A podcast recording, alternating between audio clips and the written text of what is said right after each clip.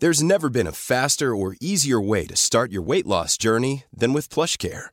PlushCare accepts most insurance plans and gives you online access to board-certified physicians who can prescribe FDA-approved weight loss medications like Wigovi and Zepbound for those who qualify. Take charge of your health and speak with a board-certified physician about a weight loss plan that's right for you. Get started today at plushcare.com slash weight loss. That's plushcare.com slash weight loss. plushcare.com slash weight loss. Quality sleep is essential. That's why the Sleep Number Smart Bed is designed for your ever evolving sleep needs. Need a bed that's firmer or softer on either side? Helps you sleep at a comfortable temperature? Sleep Number Smart Beds let you individualize your comfort so you sleep better together. JD Power ranks Sleep Number number 1 in customer satisfaction with mattresses purchased in-store. And now, save 50% on the Sleep Number limited edition Smart Bed for a limited time. For JD Power 2023 award information, visit jdpower.com/awards. Only at a Sleep Number store or sleepnumber.com.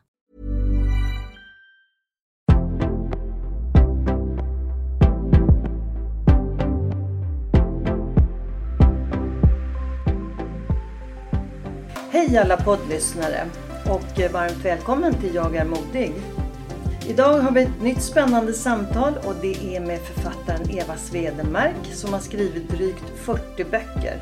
Det är allt från barn och ungdomsböcker, deckare och feelgood. Varmt välkommen Eva! Tack så mycket, jag är glad att vara här. Så roligt att vi har fått hit dig.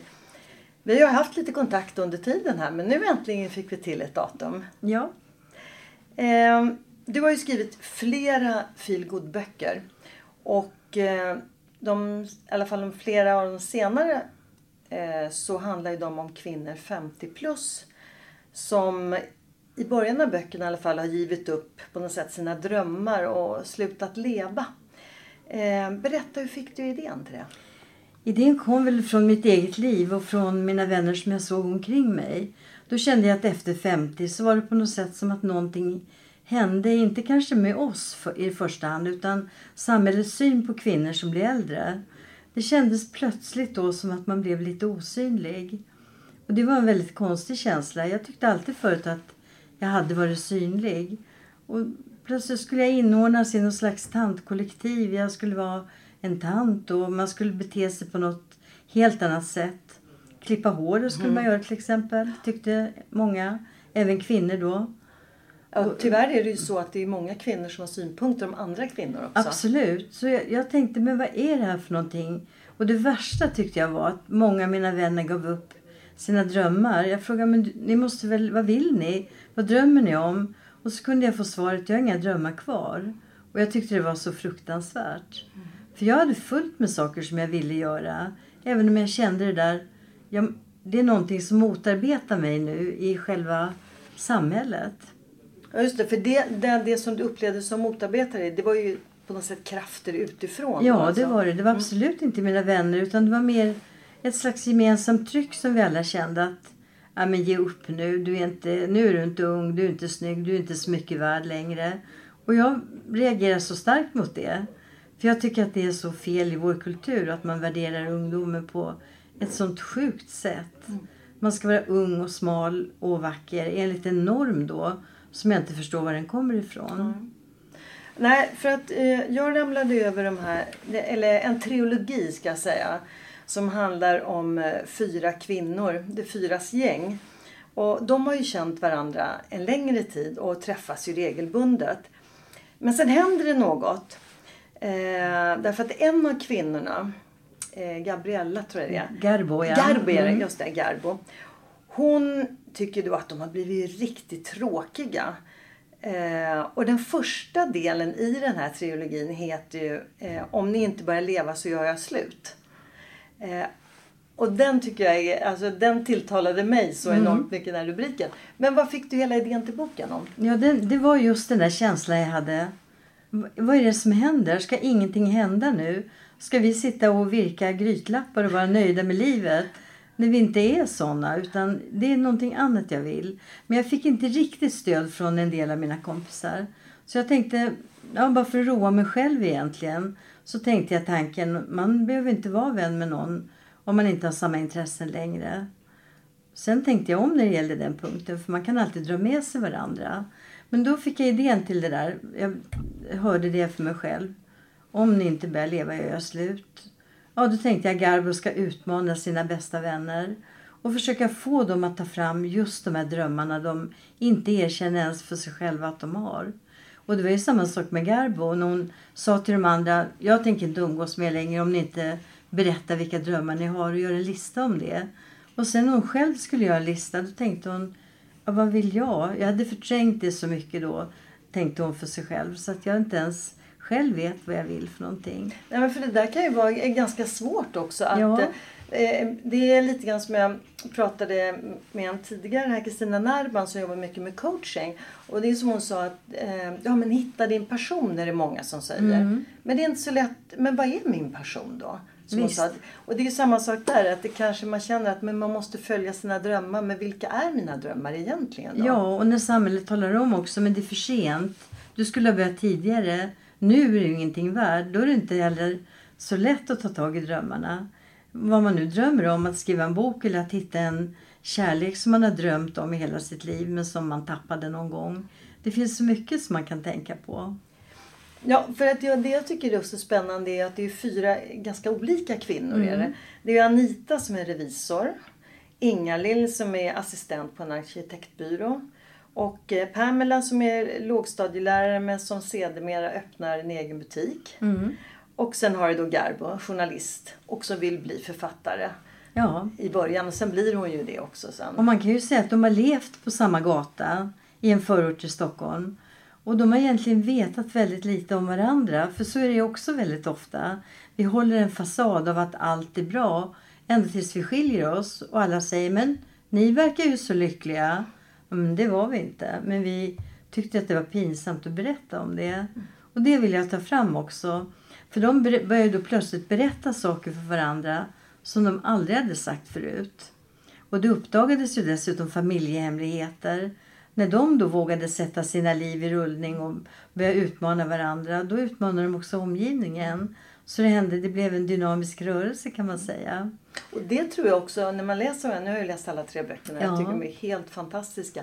Det är ju också att det sätter igång en egen tankeverksamhet så jag tror att det kan pusha väldigt många. Ja, för det var verkligen min tanke också. När jag då träffade en förläggare som sa men åh jag vill absolut ge ut det här. Tänkte ja visst, det var ju min egen terapi lite grann. Men okej, okay, vi ger ut dem. Och sen när jag väl hade börjat skriva dem då var det så kul och så viktigt. Ja, det är precis som du säger, det är otroligt viktigt. För att tidigare så hade de väl, eller kanske inte reflekterat, men de tyckte väl att de hade inspirerande möten. Men sen så när då Garbo började tröttna på det här, för då insåg han att det vi mest pratar om det är ju våra rynkor eller att vi har ont i magen eller att vi har trista män. Ja. Och det blir ju ganska ointressant blir det. Jag har tänkt så många tjejträffar man har varit på. Mm. Där vi sitter och klagar över våra tråkiga män och klagar över rynkor eller att vi är för tjocka. Eller mycket klag är det. Istället för att tänka att vad vill vi? Vad vill vi göra för någonting? Mm. Ja, eh, de, jag tror att eh, den här serien och även i den andra serien kan sätta igång väldigt mycket tankeverksamhet hos eh, flera kvinnor. Mm, jag tror att det gör det. Ja. Jag vet när jag var på Bokmässan förra året. Då kom det fram en studiecirkel som hade bildats efter att ha läst den här boken, den första boken. Då bestämde de sig för att vi ska göra precis som det fyras gäng. Vi ska tänka efter vad vill vi och så ska vi stötta varandra i våra då kanske ganska hemliga och outtalade livsprojekt. Så hade de börjat med det och det, jag blev ju jätteglad. Och det är viktigt för mig i livet också med sådana här grupper av kvinnor som kanske skrivgrupper eller läsgrupper, olika typer av vänskapsgrupper där man verkligen stöttar varandra. Men sen- en förgår liksom, men väninnorna består lite grann. Mm. Ja, för du var inne lite grann på det där. Det är också det här med att eh, även om man har fyllt 50 eller 60 eller 70 eller vad man nu är.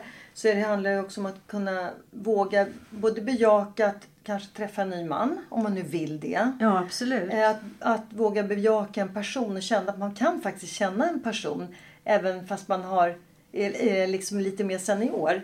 Och också att acceptera sin kropp. Ja, där Och- behöver vi ju stöd och det tycker jag du, du beskriver på ett sånt otroligt bra sätt i de här böckerna. ja, jag tror att vi behöver mycket stöd där. Och ändå tillhör vi på något sätt en generation då, vi som är 50 plus, som på något sätt har, kunnat, har levt med att acceptera kropparna som de var. Att kasta bhn, att inte måla sig. Att, allt det som unga kvinnor idag inte gör. För att om det är något jag tycker är hemskt, då är det den backlashen som unga kvinnor idag upplever. Jag menar, när jag på vägen hit såg jag så många nagelstudios, studios med förläng dina ögonfransar, fixa, mm. ändra allting. Mm. Och det är ju jättemånga unga kvinnor som går dit och gör det. Mm. Och det är ju så sorgligt. Vi liksom inpräntas i dem och i oss att vi inte ska vara nöjda. Förutom de här, man kanske kan tycka då, lite ytliga delarna som när man kommer till kroppsfixering. Men så tycker jag du tar upp andra frågor också som kan vara betydligt jobbigare och väldigt skamfyllda. Till exempel att man har en dålig relation med sina vuxna barn. Eller kanske har en avbruten relation med något mm. av barnen. Eh, det tror jag också är vanligare än vad man tror. Eh, fast man vågar inte eller man vill inte berätta om det för det känns lite skamfyllt. Jag tror att det är så väldigt mycket skam i det. Mm. Jag har väninnor som absolut inte berättar om det utan bara framhåller allt som är bra och framförallt då kanske framgångarna som barnen har i olika yrken men inte någonting om hur relationen egentligen är. Så att det, det är ett stort, en stor skamfråga för många kvinnor tror jag. Relationen till barnen. Och en kanske nästan ännu värre sak, det är relation till barnbarn då. Att man inte riktigt vill berätta då. Att man kanske inte ens får träffa sina barnbarn. Och det tror jag är en väldigt jobbig och stor grej också som man inte pratar om. Och där är det lite grann också, jag tänker att man gärna kanske, som du säger, man, man berättar gärna om när barnen går väldigt bra, de är väldigt mm. framgångsrika då enligt, vad är framgång? Det är ju naturligtvis olika men om vi nu tänker på så många att det blir man lever igenom barnen. Absolut. Istället för att kanske fortsätta leva sitt eget liv. Vad är det jag vill göra nu? Ja. Och jag tycker det är en sån där fråga man måste ställa sig hela tiden. Men det är ju inte lätt för naturligtvis också i den där brytpunkten också när man just är omkring 50. Då kanske man har gamla föräldrar, man har barn som växer upp. Och var finns det plats för mig då i alltihopa det här? Ska jag också kräva plats, ett eget rum som Virginia Woolf sa? Jag skaffade mig verkligen ett eget rum liksom i den tiden för att jag levde i en väldigt jobbig relation då. Och jag tänkte om jag ska överleva det här så måste jag få skriva. Det var så mycket det som satte igång mitt skrivande tror jag. Jag skapade ett eget rum där jag satt och skrev, alltså både fysiskt och i tanken. Hej, it's Ryan Reynolds jag är här med Keith, co-star of my upcoming film If, only in theaters May 17th. Do you want to tell people the big news?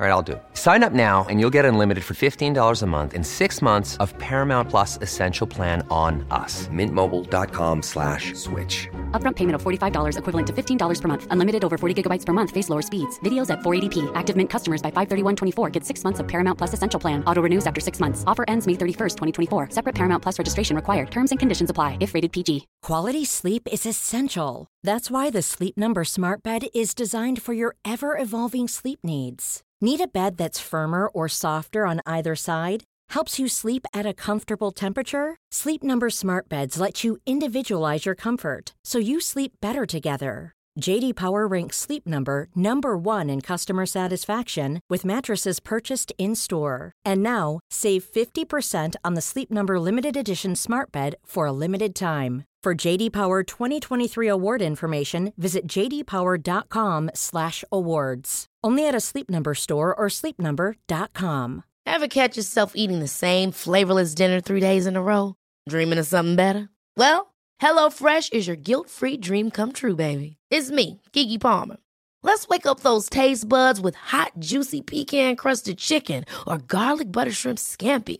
Mm. Hello Fresh. Stop dreaming of all the delicious possibilities and dig in at HelloFresh.com. Let's get this dinner party started.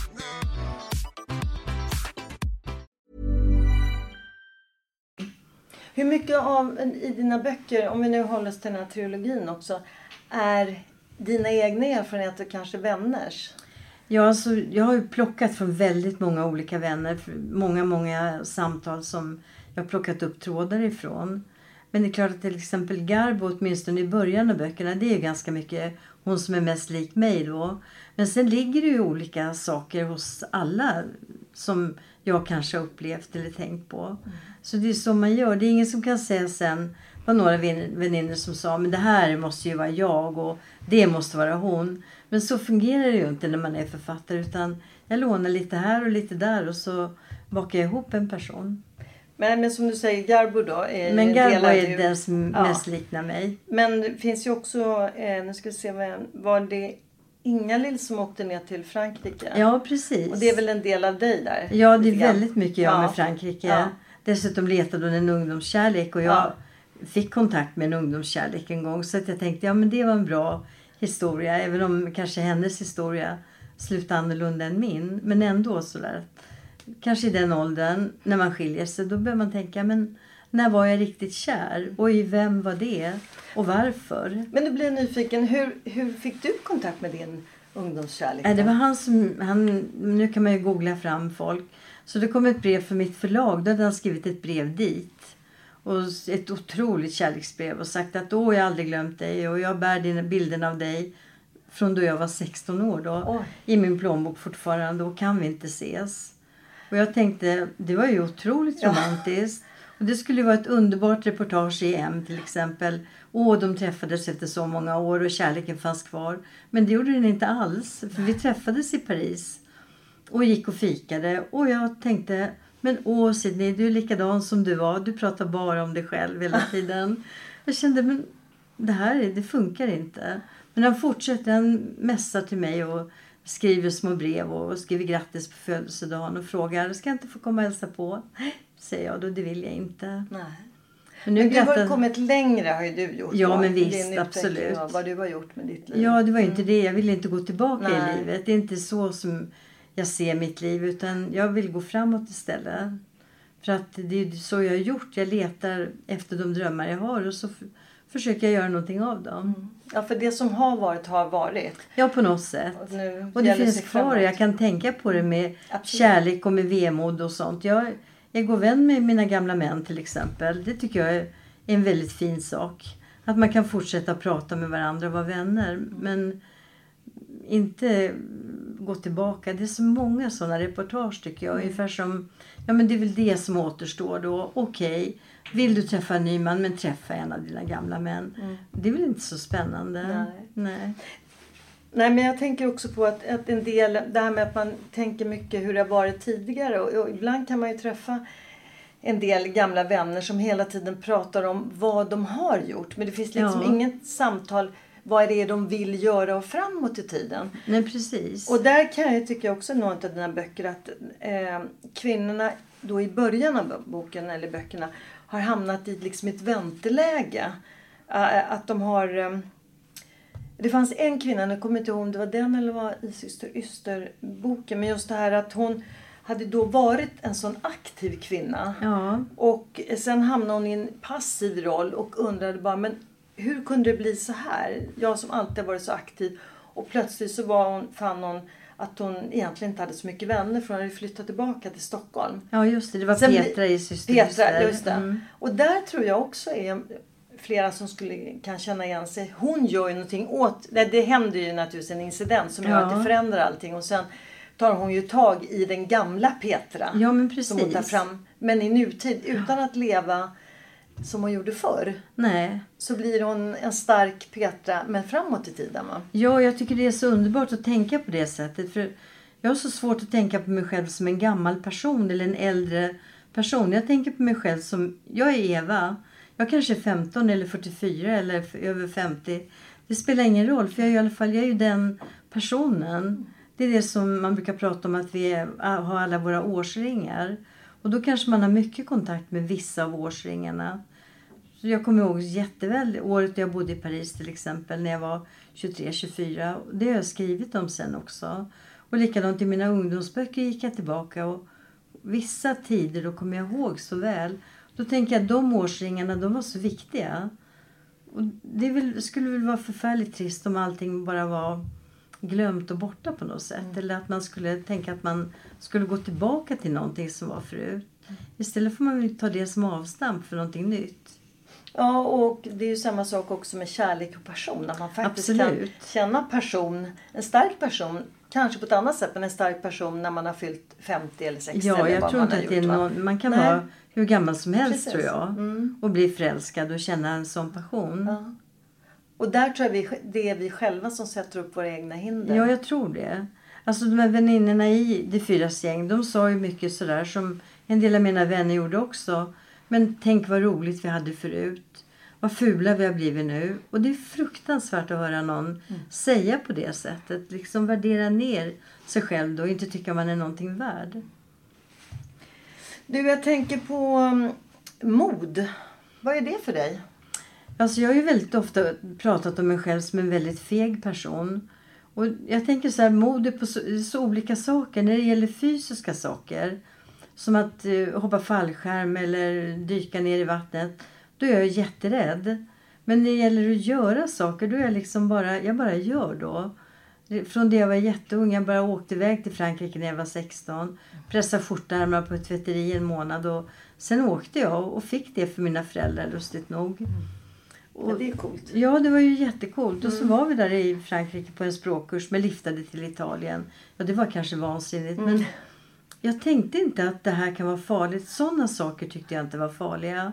Och inte att testa på nya jobb eller att göra reportage. Och så- Jag var ju journalist under många år. Där, sådana saker skrämmer mig inte alls. Eller starta ett nytt liv då som författare. Så att där är jag modig. Men det gäller ju också... Modig för mig det är också väldigt mycket att man ska övervinna sina rädslor. Det är då jag tycker man är riktigt modig. Jag menar, om man inte är höjdrädd det är väl inte så märkvärdigt att klättra upp på ett berg. Men om man är det och ändå gör det så är det ju modigt. Jag är höjdrädd. Ja, Jag klättrar breddar upp på just- berg. Nej, jag klättrar inte upp på berg. Men jag var ute och vandrade förra hösten Ja. i Italien som jag aldrig hade gjort. Och det var lite tuffare än vad jag hade räknat med. Med en stor packning och eh, brådjup ner. Och man Mm. Ja, gick smala. fy. Eh, så där kände jag mig väldigt Ja. modig. Mm. Nej, men jag känner det att jag också bestämt mig för att du behöver inte bevisa för någon att du är modig när det gäller att till exempel dyka som jag är jätterädd för. Du behöver inte bevisa det utan okej vi konstaterar det. Eva, du är inte någon bra person när det gäller att dyka men du är modig på andra sätt. Men det är väl också lite bra tänker jag. Ja, och jag tror att det, det man eh, känner att man vill testa. Jag dyker inte heller. Jag har Nej. väldigt respekt för vatten. Ja, precis.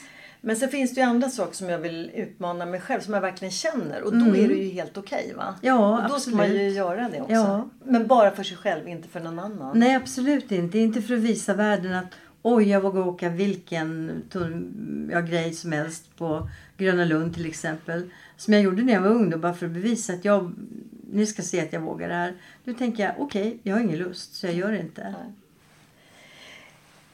Du, eh, vi pratade om feelgood eh, böcker som du har skrivit. Mm. Eh, och så jag, du har ju skrivit över 40 böcker, 45 mer kanske till och Ja, med. det är många olika Ja, det är många. genrer. Och det är barn och ungdomsböcker som jag sa i början. Men du har ju också deckare. Och jag har ju påbörjat en deckare nu. Som du har skrivit som jag tycker är superläskig. Och Mm. eh, det handlar ju om en kvinna som är hon, har, hon går ju på Handels så hon är väl eh, 20, 23 någonting, tror jag. 24. ja. Mm. Boken heter ju Förfärande ängel och uppföljaren till den är ju då Förföljd ängel. Eh, och så, så här, bokens karaktär, huvudperson där, hon är ju stark och hämndlysten kvinna. Kan du berätta om idén till den här boken? Ja, det var när jag hade en relation med en man som var en passionerad relation kan man säga. Och sen en jul, satt, eller ett nyår var det, satt vi och läste böcker vi hade gett varandra i julklapp. Och jag läste Lapidus bok, hans första bok. Och tyckte den var jättespännande. Nu kommer jag inte ihåg vad den hette. Men Jens Lapidus Snabba första Cash bok. var väl första? Snabba Cash var det. Mm. Och tänkte den var så otroligt spännande. Men jag blev helt galen på att kvinnorna inte drev någon handling. Utan det var bara män hela tiden som var de aktiva, dynamiska. Och kvinnorna var systrar, mammor, älskarinnor. Och väldigt passiva. Och så började jag spekulera då med honom. Som jag var tillsammans med. Att om jag skulle skriva en bok där kvinnorna verkligen driver handlingen. Och där de inte alls är snälla och milda utan otroligt hämndlystna. För att de inte står ut med hur kvinnor behandlas i vårt samhälle. Han tyckte det var en jättebra idé. Så började vi prata ganska mycket om det. Och jag började skriva men det blev inte så bra som jag ville för att det blev lite mesigare än vad jag hade tänkt att det skulle vara. Sen när det var lunch då kom han med två kapitel som han hade skrivit. Så du kan väl titta på det här för jag tänkte att det var så kul när vi pratade.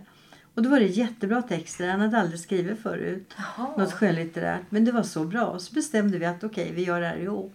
Så det blev ett gemensamt projekt? Ja, det blev ett gemensamt projekt som var väldigt uppslukande och väldigt spännande. Ja, för den är otroligt eh, bra och väldigt eh, otäck. Alltså, Ja. För att den ligger så nära. Eh, på något sätt realistiskt. Ja, därför att när man läser om olika typer av många fall till exempel där våldtäktsmän har sluppit undan eller kvinnor inte har blivit trodda. Och så tänker man okej, men någon ska hämnas dem. Och det gör Elise då. Hon är väldigt tuff och hård. För hon har ju en väldigt stark drivkraft där. Just Ja. att hämnas på de här männen som Ja. har begått. Och eh, eh, det är ju också väldigt utförligt hur hon ska Ja. hämnas. Väldigt mycket så. Mm. Jag tänker att hon har ju lite i sig... ehm, oj, nu tappar jag namnet på eh, boken som... Eh, Du tänker på Stig Larsson? ja, precis. Ja, lite grann så. Det, det var väl några som sa det till oss. Men jag Alltså, tänkte de är inte ju, på henne. Nej, nej, men det är ju två olika karaktärer. Ja, det är ju det. För att den här tjejen som du är bra med, Elise, hon pluggar ju på Handelshögskolan. och Hon har ju sin bakgrund som också lite Ja, hon är skenbart eh, ändå väldigt lyckad och framgångsrik. Precis. Och så. Mycket. Men, eh, Och väldigt intelligent. Hon är ju Ja. väldigt, väldigt duktig. Så att där skiljer de ju så. Ja. Men det finns just den här starka eh, kraften, Mm. inre kraften av att eh, vilja hämnas på de här männen. Jag har alltid varit fascinerad av sådana historier. Men också just det här att kvinnor ska vara de som driver handlingen. För att när vi började skriva deckare, då skrev jag tillsammans med två andra författare. Då, skrev vi fem, då var vi så otroligt irriterade på Henning Mankell på den tiden. Och alla dessa otroligt tråkiga, tjocka poliskommissarier som drack för mycket och lyssnade på opera. Så tänkte vi, men hallå, det ska ju inte vara det. Det ska vara liksom en dynamisk journalist, en tjej istället. Så då skrev vi sådana böcker. Så jag har väl alltid det spåret på något sätt. Mm. Ja, men det är härligt just att du har den här otroligt stora bredden i ditt skrivande Ja. tycker jag. Och sen skildrar du människorna väldigt väl så man ser dem verkligen framför sig. Det är det jag gör också. De är som en liten film i mitt huvud. Jag brukar tänka så att jag ser filmen och så skriver jag ner handlingen. Du, jag tänker, starka kvinnor är, är ju då en drivkraft hos dig. Eller rätt sagt som du är fascinerad av. De här Mm. starka kvinnorna. Men vad har du för förebilder då? Eh, ja, då, om man ska titta bakåt så var det ju, min första förebild var Scarlett O'Hara i Borta med vinden. Och där såg jag som en liten flicka då som bara hade hemmafruar omkring mig i trappuppgången. Som väntade på att männen skulle komma hem och äta lunchen de hade lagat. Och jag tänkte, det där är inget liv. Min pappa gick iväg till tidningen där han arbetade varje dag. Och det var ett spännande liv tyckte jag. Och så läser jag om Scarlett lite, som lite för ung, nästan som barn. Men ser en kvinna som bara tar för sig av livet, som är hård och vacker och obarmhärtig. Och hon blev verkligen min idol. Men jag tror att det är väl det, kvinnor som bryter mot normer som samhället har slagit fast. Ska man titta på någon idag så då tänker jag på Greta Thunberg. Jag tycker hon är helt fantastisk. Tänk, alltså, tänk att bli så förtalad också som hon blir för någonting som är så bra. Jag menar, hon går ju emot då. Jag har civilkurage verkligen. Läser in sig på en fråga, tror brännande på det. Och kämpar för det. Mot alla, vad, vad folk än säger. Och sen tänker jag då hur en enda liten person. Hon är en så liten späd flicka. Kan liksom få människor i hela världen att lyssna på henne. Ja, de lyssnar ju verkligen Ja, också. och visst är det fantastiskt. Helt Att det inte bara är såna stora saker, mediedrivna frågor. Utan här är det en liten tjej som sätter igång och strejka. Och det är väl det som är lite tråkigt tycker jag. När vissa har gått ut och sagt att det är ett helt eh, PR-batteri bakom gud, Men det är ju inte det. Nej, Utan inte alls. Hon driver den här helt själv. Ja, jag tänker, du är ju uppväxt i en journalistfamilj Ja. verkligen. Eh, kan det ha påverkat också att ni satt mycket och, diskuterade hemma? ja vi pratade jämt politik. ja. Ja. Men det var ju också väldigt, det var ett dilemma för mig. För när jag då började på gymnasiet. Då fick jag lära mig i den hårda skolan att Man pratar inte politik om man vill bli populär. Så var det i Sundsvall på 60-talet. Då lärde jag mig att det var en person i skolan på gymnasiet. En söt kul tjej som ville vara med på alla fester. Och sen hemma var jag superpolitisk och pratade bara politik med min familj och mina kusiner. Så den kluvnaden var jättejobbig för mig. Och det kunde jag liksom läka när jag kom till Stockholm sen. När jag inte behövde vara, då kunde jag bara vara mig själv. Och då var det 60-tal och jag kunde vara jättepolitisk. Mm. Och träffade en kille som älskade att jag var så intresserad av, av sådana frågor. Så allt blev så rätt på något sätt för mig på 60-talet. Men jag tänker också, var det så då att du i din familj också kände en uppmuntran till att bli den här starka kvinnan? Ja, absolut. Ja. Absolut. De, jag fick så mycket stöd och så mycket kärlek att göra det jag ville och det jag trodde på. Och de, ja, de pushade mig liksom och stöd, stödde verkligen mig då. Mm. När det gäller skrivande till exempel. Du, um var hämtar du din kraft ifrån då? Ja, var hämtar man kraften från idag så är det väldigt mycket... Det är min familj som är själva min bas i livet. Och då menar jag mina barn och mina barnbarn och deras respektive då. För du har tre barn va? Tre barn mm. ja, och fyra barnbarn. Mm. Och det är liksom min trygghetscirkel i livet då. Så, som jag pratar med om allting och som är underbara.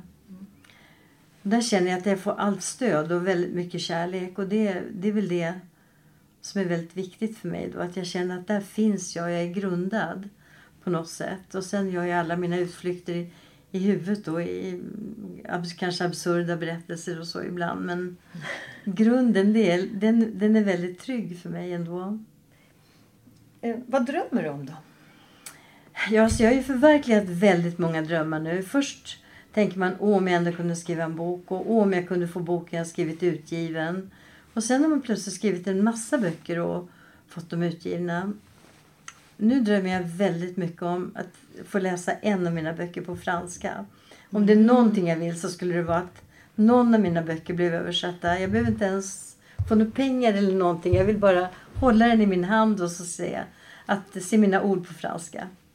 Frankrike är mitt jag tycker väldigt mycket om det landet. Det har varit mycket där.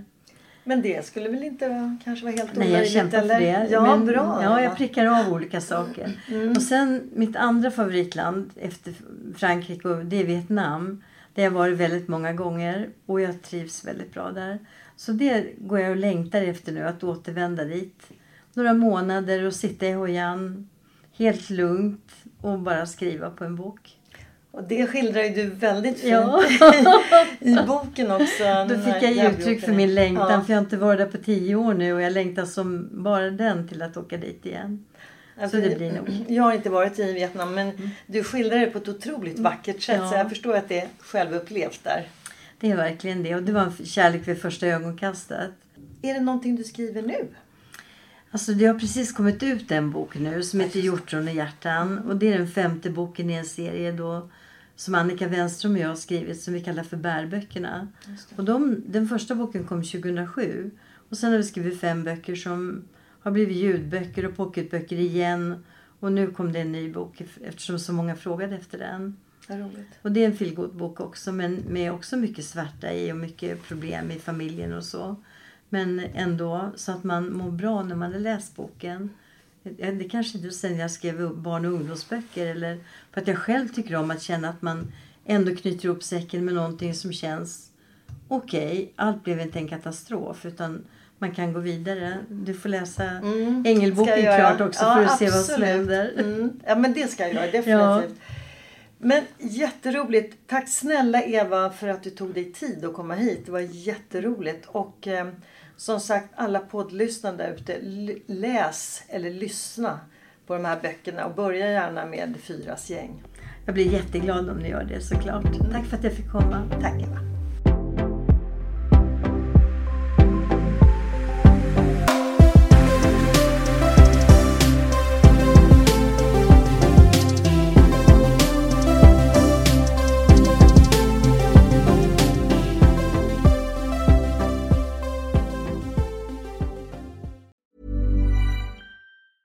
Ever catch yourself eating the same flavorless dinner three days in a row?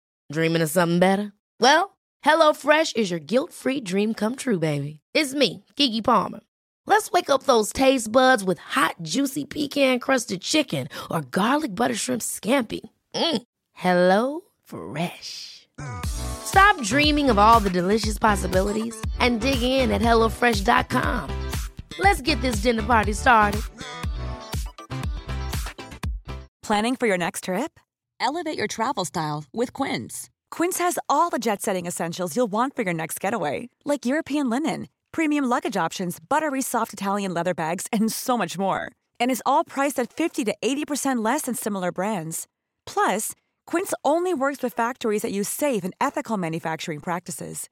Pack your bags with high-quality essentials you'll be wearing for vacations to come with Quince. Go to quince.com/pack for free shipping and 365-day returns.